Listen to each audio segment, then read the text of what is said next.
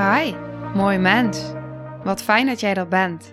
Mijn naam is Sandy en ik geloof in een wereld waarin iedereen zijn liefdevolle zelf mag zijn. In deze podcast praten we openlijk over alle struggles die je tegenkomt op het moment dat je tegen jezelf aanloopt.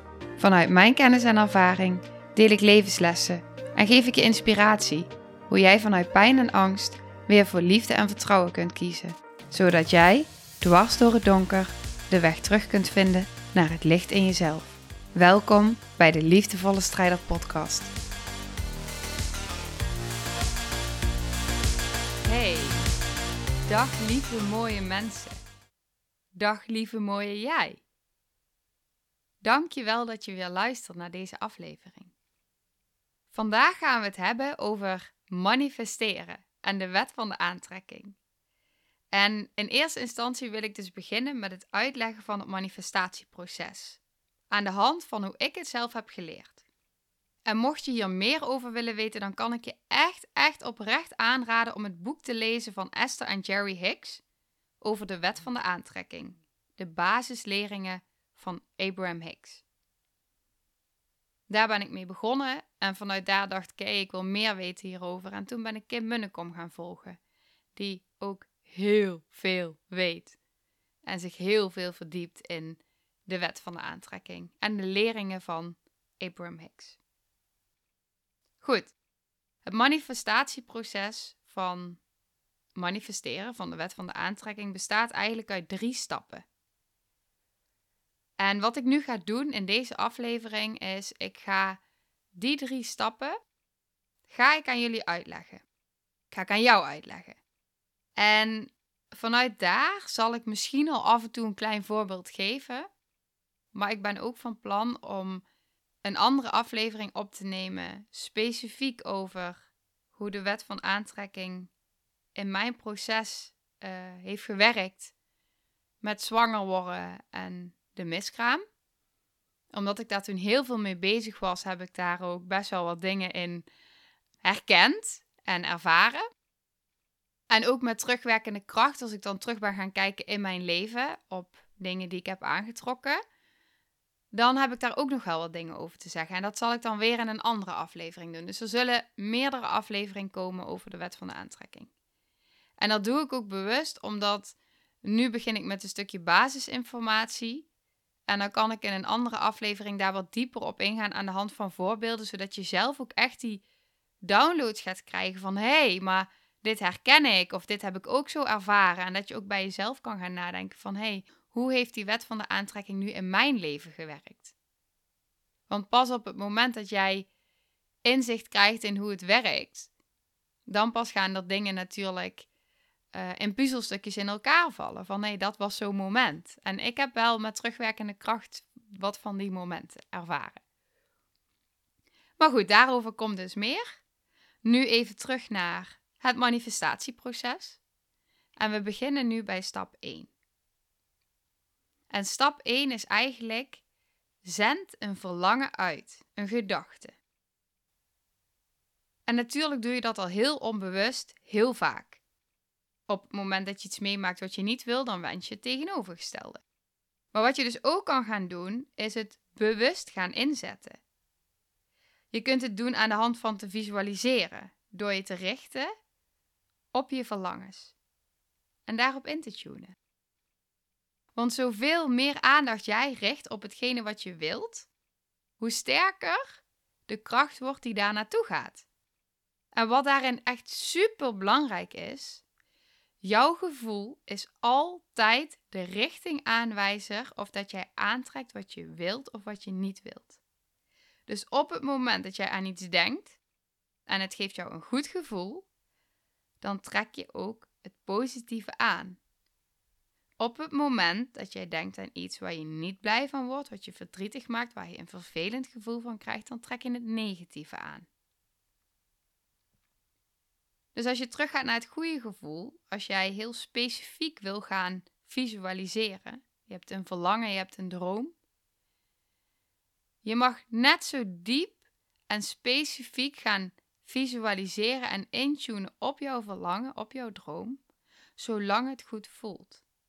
Op het moment dat jij gaat merken van dat, je, dat er overtuigingen in de weg gaan zitten, dan, merk, dan, dan moet je eigenlijk. Ik zal even een voorbeeld geven. Is misschien makkelijker. Ik heb een hele grote droom. Mijn droom is om te emigreren naar Spanje en om een retreat op te zetten. En op het moment dat ik daar dan op ga visualiseren, dan ga ik dat alleen maar doen vanuit goed voelen. En als ik dan voel, als ik dan bijvoorbeeld ga denken, ja, maar geloven mensen wel in mij? En uh, hoe, gaan, hoe gaan we het dan doen? We komen daar terug op het stukje hoe bij stap 3. Ehm, dan krijg ik daar een vervelend gevoel bij. En dan ben ik dus eigenlijk aan het aantrekken wat ik niet wil. En dat is wat je niet wilt. Dus zo diep ga je dan niet. Ik ga alleen maar intunen op het gevoel waar ik in kan geloven, waar ik in kan vertrouwen, waar ik me goed bij voel. Want anders ben je aan het kijken vanuit een tekort. Geloven mensen wel in mij? Ben ik wel goed genoeg? Komen ze wel naar een retreat Hoe Kan ik dat wel? Het is allemaal tekort. Allemaal negatieve gevoelens, belemmerende overtuigingen. En daar zit ook een stukje werk in. En daar kom ik straks ook op terug. Om die belemmerende patronen te veranderen. Om die overtuiging, die conditionering, om die te herschrijven, te herprogrammeren. Waar ik het natuurlijk al vaker over heb gehad. Dat is zo van belang als je kijkt naar wat je wil manifesteren. Dus, samenvattend. Het gaat om goed voelen. Als een verlangen gepaard gaat met een positieve emotie, ben je aan het creëren wat je wel wilt. Is een negatieve emotie, ben je aan het creëren wat je niet wil. Dus aan de hand van jouw emotie weet je of dat je je richt op hetgene wat je wel wilt of wat je niet wil. Dus wat zou jij super graag willen? Waar word je blij van? Hoe meer positieve emotie, hoe sneller het in je leven zal komen. Onthoud die. Stap 2. Het is gegeven of het wordt gegeven. Eigenlijk is het direct gegeven. Op het moment dat jij namelijk een verlangen uitzendt, wordt het direct in vibrationele vorm gecreëerd. Alles is energie. Alles trilt op een bepaalde frequentie. Jouw verlangen trilt dus direct op een bepaalde frequentie. En een verlangen trilt op een hele hoge frequentie. Je hebt natuurlijk het verschil tussen hoge frequenties en lage frequenties. Een lage frequentie is bijvoorbeeld angst, is twijfel, is jaloezie, schuld, schaamte, afwijzing, verdriet. Allemaal lage frequentie. Je hebt ook hoge frequentie. Denk hierbij aan vreugde, aan liefde, aan innerlijke rust, aan vertrouwen, aan dankbaarheid. Dat soort emoties. Dus dat is het verschil. Dus wil jij op het hoge trillingsniveau van jouw verlangen komen, dan zullen jouw emoties ook in die hoge frequentie moeten zitten om gelijk te worden aan de frequentie, trillingsniveau van jouw verlangen. Wil je iets in je leven ervaren, wil je iets in je leven aantrekken van jouw verlangens, zul je dus op één lijn moeten komen met die trilling. Door zelf in die hoge energie, in die high vibe te komen. Als je bijvoorbeeld kijkt naar onze hypnose sessies die wij hebben gedaan, ik en mijn man, dan ben je dus eigenlijk ook bezig met in die hoge frequentie te komen. In die positieve gevoelens om op één lijn te komen met die verlangens. En dat is eigenlijk wat super belangrijk is in het manifestatieproces. En zoals Kim het toen uitlegde, en dat, dat ben ik altijd blijven onthouden, en dat is dus ook wat ik nu aan jou wil uitleggen, omdat ik het heel mooi vind om dingen visueel voor me te zien, dat helpt. Kim zei toen van, stel het voor als een hele grote wolk waar al jouw verlangens in zitten. Alle verlangens die nog nooit zijn uitgekomen en alle verlangens die al lang zijn uitgekomen. Dat is natuurlijk al heel veel wat je al hebt gemanifesteerd in je leven, ook al ben je daar niet bewust van. En dat is oneindig. Die wolk is oneindig. Er kan oneindig veel in en je kunt er gewoon dingen uithalen. Alleen je moet wel matchen op dat trillingsniveau. Nou, ik vind dat super interessant en in principe hoef je niet te snappen hoe het nu precies allemaal werkt met die energie, met die trilling. Als je maar weet hoe dat het proces werkt en wat, wat dus wel werkt en wat niet werkt, maar hoe het dan precies werkt, in principe maakt dat niet zoveel uit. Ik vind het wel heel interessant, dus ik ben me nu ook echt aan het verdiepen in kwantumfysica en neurowetenschap. Zal ik dadelijk ook nog even op terugkomen. Omdat ik het gewoon heel erg interessant vind om al die onderzoeken te lezen over hoe dat nu precies werkt met die trillingen, met die energie, met die frequenties. En dan komt stap 3. En stap 3 is super belangrijk. Stap 3 is eigenlijk: word vrij van weerstand. Het is de ontvangmodus. Wat ik net al zei bij stap 2, kom in dezelfde vibratie als waar jouw verlangen zit, hè? dus met die emoties. Dat doe je door eigenlijk in feite de controle los te laten. De controle van de tijd en de hoe. De tijd waarin en hoe snel iets moet gebeuren en hoe je dat doet. En hoe doe je dat? Door te oefenen. Iedere dag oefenen. Vanuit de wet van de aantrekking mag je namelijk niet de hoe aan de tijd controleren, want dan doe je dat vanuit een tekort. Vanuit een tekort en niet vanuit vertrouwen. En als je in een tekort zit, creëer je niet wat je wilt. En wat je op zo'n moment kan doen als je merkt dat je in een tekort zit, dan kun je shiften naar, je kan shiften naar vertrouwen, naar wat je wel wilt. Ik zal bijvoorbeeld een voorbeeld geven, even een kort voorbeeld over hoe dat de eerste keer voor mij werd bevestigd dat de wet van de aantrekking werkt. Ik was me er wat meer bewust van gaan worden. Ik had het boek ook gelezen, Het Universum staat achter je. En in dat boek werd ik al bewust van de wet van de aantrekking, hoe die in mijn leven, uh, ja, wat ik net eigenlijk al benoemde, hoe die heeft gewerkt. En op een gegeven moment keek ik naar de film The Secret. En in die film zeggen ze op een gegeven moment van, bedenk eens iets wat je heel graag zou willen manifesteren en laat het dan los. Vertrouw erop dat het komt. En zie dat het in je ervaring verschijnt, in je leven. Nou, op dat moment wilde ik heel graag een edelsteen. En die wilde ik dan gaan gebruiken als dankbaarheidssteen. Dus ik was die film aan het kijken en die was afgelopen. En ik ging in bed liggen en ik sprak mijn dankbaarheid uit, wat ik iedere dag doe. En ik bedacht me dus dat ik heel graag zo'n edelsteen zou willen hebben. En dat ik die dan zou gaan gebruiken als dankbaarheidssteen. Dat ik die dan in mijn handen kon pakken bij het spreken, uitspreken van mijn dankbaarheid. En ik liet het los. Ik heb er niet meer over nagedacht. Ik dacht gewoon in vertrouwen, dit, dit, dit komt vanzelf wel in mijn leven. En kort daarna, kort daarna kreeg ik een cadeautje thuis gestuurd. Een edelsteen. En toen dacht ik echt, wow, hoe dan? En ik kreeg die vanuit, um, ja, vanuit het team. Toen ik zeg maar dus, uh, ja, ik verloor mijn baan natuurlijk in die periode. En uh, toen kreeg ik vanuit het team kreeg ik de edelsteen toegestuurd. En ik was zo dankbaar. En het was zo precies wat ik nodig had om nog meer in het vertrouwen te kunnen stappen. Om echt zo hierin te geloven.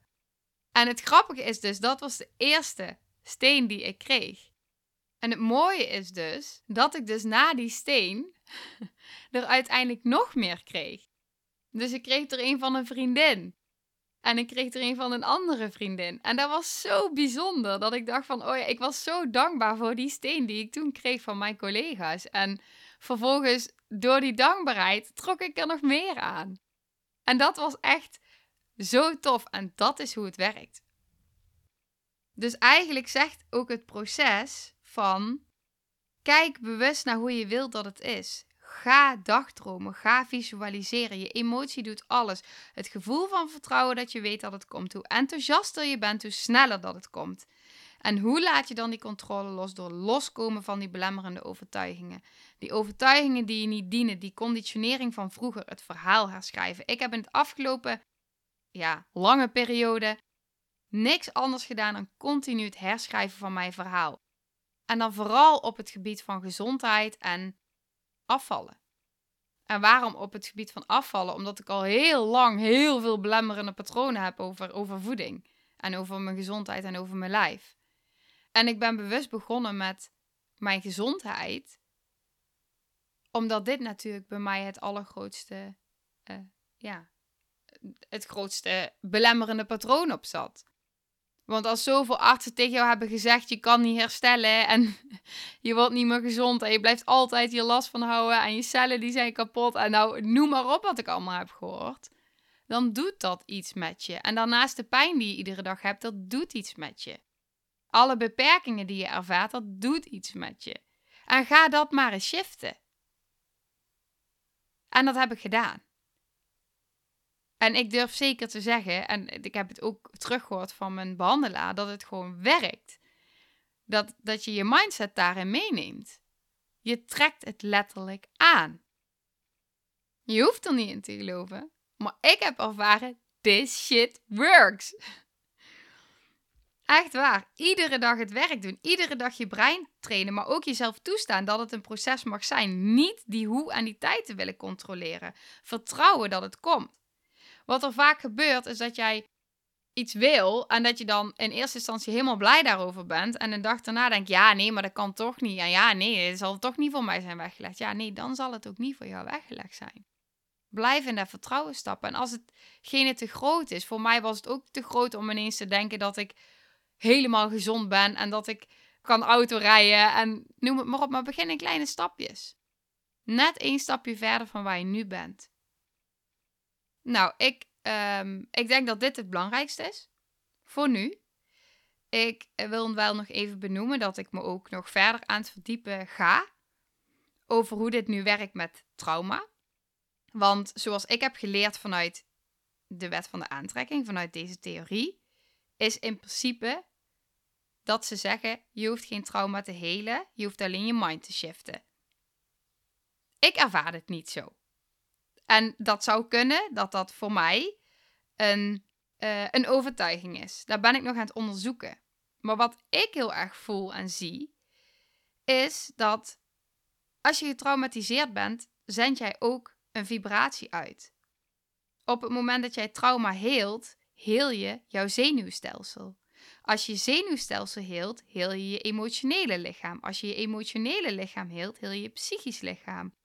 Als je je psychisch lichaam heelt, heel je je vibratie. En als je je vibratie heelt, verandert je realiteit. Daar geloof ik in.